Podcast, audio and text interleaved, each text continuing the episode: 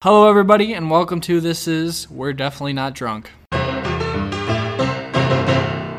Cheers to you, brother. We are definitely not drunk. You are joined today by Nick and Rob. Tell me about your college experience. My college experience. So, my college experience is that I went to a community college Yep. and I did online classes for the most part because I worked all the time. Worked a full time job. Since I was 18, I worked full time. And I have had to take night classes and go to online school ever since then so I can continue with my work. Um, but yeah, college experience has been pretty bland. I've met some cool people, made some decent friends just from like the couple of actual in person classes I've gone to. Now, you went to Lakeland, correct? Yes. So, I talked to a lot of people, um, and I get really mixed reviews because obviously it is a community college. It's right by, you know, the town where people grew up. You see a lot of the people you went to high school with.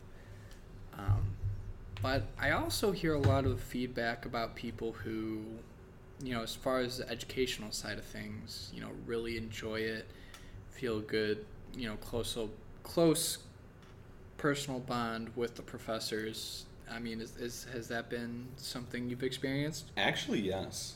Um, one thing, and when I tell people about Lakeland, they get kind of surprised about is because they just assume like, education sucks, right? It's a community college. You're probably not getting anything that's beneficial or that sticks with you.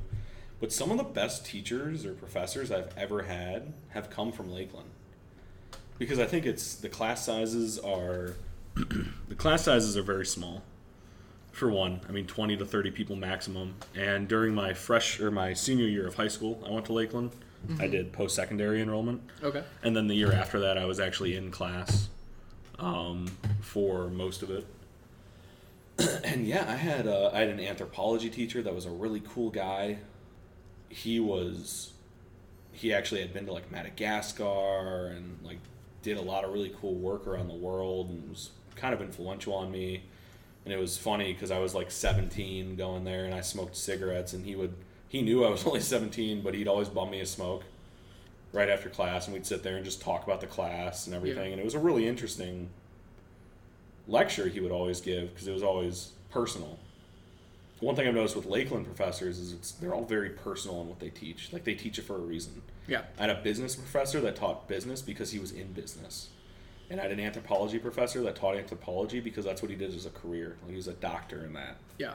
I I remember having an English professor, and it was kind of funny because she was really young, and I could tell she didn't really know what she was doing because this was like her first job as a teacher ever. Yeah.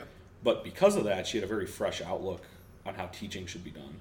Mm-hmm. And from talking to other people that I know that have gone to like Ohio States or just much larger colleges, you don't get that one-on-one kind of personal connection with your professor. And Lakeland gives you that, which is so strange because it's like the cheapest place you can go to school as a community college. But the education honestly feels top notch because the professors kind of actually care about what they're teaching. Okay.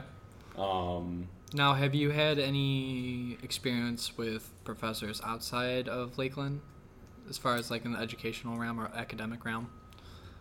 as a teacher, no. Okay. I do know people that are professors at other schools Okay. Um, that I've met through work and such things. Mm-hmm. and because I, I, I, this might sound dumb, because I know them, like, because I met them through other things, like, they're obviously kind of outgoing people and they're pretty good professors. Yeah. But from talking to people that go to even like a CSU or like an Ohio State or an OU or Miami, the classes are very large, almost like you know like a big lecture hall, and it's not personal, Yeah. right? And Lakeland gives you that really personal education. Yeah, and I think that's I think that goes because it is such a smaller school, and you know, it's, educationally, um, I you know you did mention Ohio State, and I do have friends that go to Ohio State as well. Um, with those big schools, you know, it is a lot of the time it's large classrooms. Um, I personally go to Cleveland State, and that's you know, it's a, it's kind of like how you mentioned. It's a lot smaller classes. I, I like to joke around and say Cleveland State is just you know a bigger Lakeland or a bigger Tri C because the majority of the population of Cleveland State are commuter students. You know, Yeah. it's it's there's not a majority that lives on campus. I mean, there's a lot of people who, like me, live in an apartment downtown or live in the dorms. Um, but a lot of people They're like from here. yeah, but the, a lot of people are from here. You see a lot of athletes that are from different parts of the country just because we have a pretty good. Uh, I know our women's volleyball team is really good. Uh, we have a really good lacrosse team. Basketball is usually pretty good. This year we haven't been that great, but we won't talk about that. so you kind of see smaller. I want to say it's because I did go to Lakeland for a little bit because I did the post secondary as well. It's kind of like that, but bigger. Yeah. So you see, you know, you get a lot more different people from a lot of different backgrounds. Lakeland, you know, you still get, you know, different people because you have people coming from like Kirtland, Painesville, Willoughby, um, probably as far as Willowick, even more south like Chardon, maybe people from out Ashtabula. You know, you get a lot more, you know, those different types of people. When you're out in Cleveland State, you get people from North Royalton, Westlake, Aurora, you know, Euclid, even more inner city, like, um, you know, East Cleveland. Um, you get people from Shaker.